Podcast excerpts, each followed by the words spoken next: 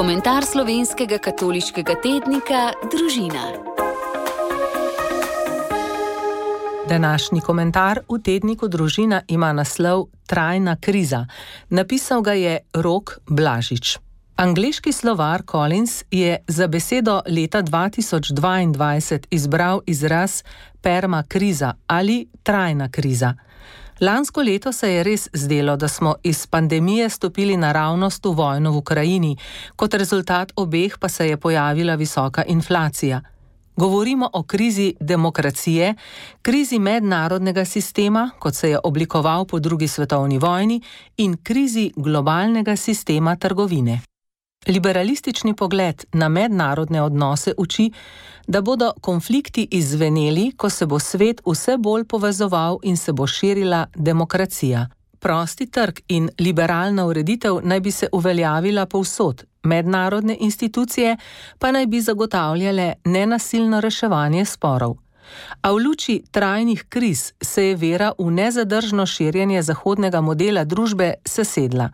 Nastopil je čas za realizem. Realistična šola v središče postavlja posamezne države, ki zasledujejo le lastne interese, moč in varnost.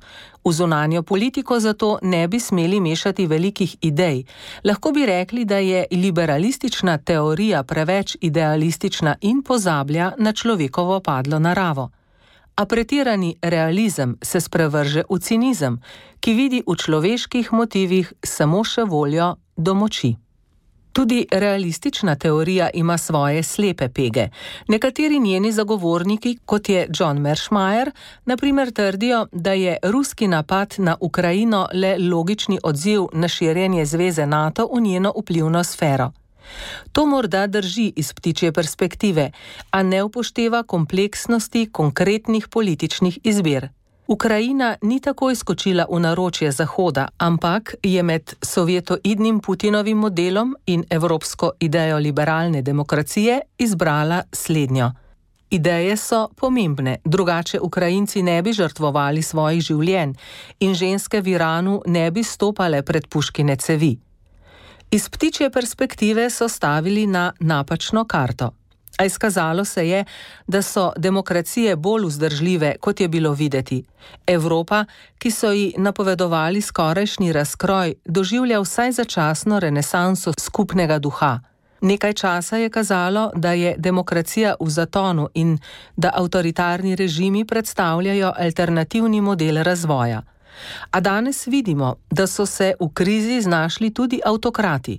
Putin je sebe in Rusijo zapletel v nepredvidljivo vojno avanturo, na katero je vezal svoj politični obstoj.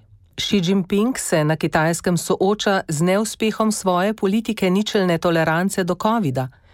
Velikega ajatola Hameneja v Iranu ogrožajo ženske, ki so snele hijab. Pomen grške besede krisis je sodba, odločitev. Gre za odločilni trenutek, ko je na kocki zmaga ali poraz, življenje ali smrt. Je križišče, na katerem stojimo in se odločamo, katero pot bomo izbrali. Da ne bi zašli, iščemo kaži pote v pravo smer. Ker kriza prinaša nevarnost, nas lahko preplavi panika in se zatečemo k prvi navidezni trdnosti lahko pa tudi zbudi vse naše čute, izostri misli in razsodnost, da poiščemo prave oporne točke. Zato je pomembno, da imamo trden sistem vrednot, iz katerega izhajamo v odločitvah. Hkrati pa tudi dovolj odprtosti in zavesti o svoji zmogljivosti, da ga znamo tehtati v dialogu z drugimi. Če kaj ogroža zahodne družbe, to ni toliko polarizacija mnen, ampak krčenje prostora za pogovor in nezmožnost empatije, uživljanja v drugačna stališča. Enako bi lahko rekli za crkv.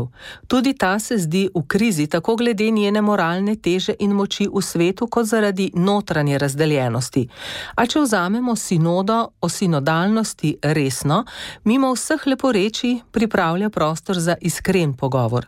Krščanska vera nam na vse zadnje zagotavlja skrajno realističen pogled na človeka in najbolj idealistično podobo njegove poklicanosti.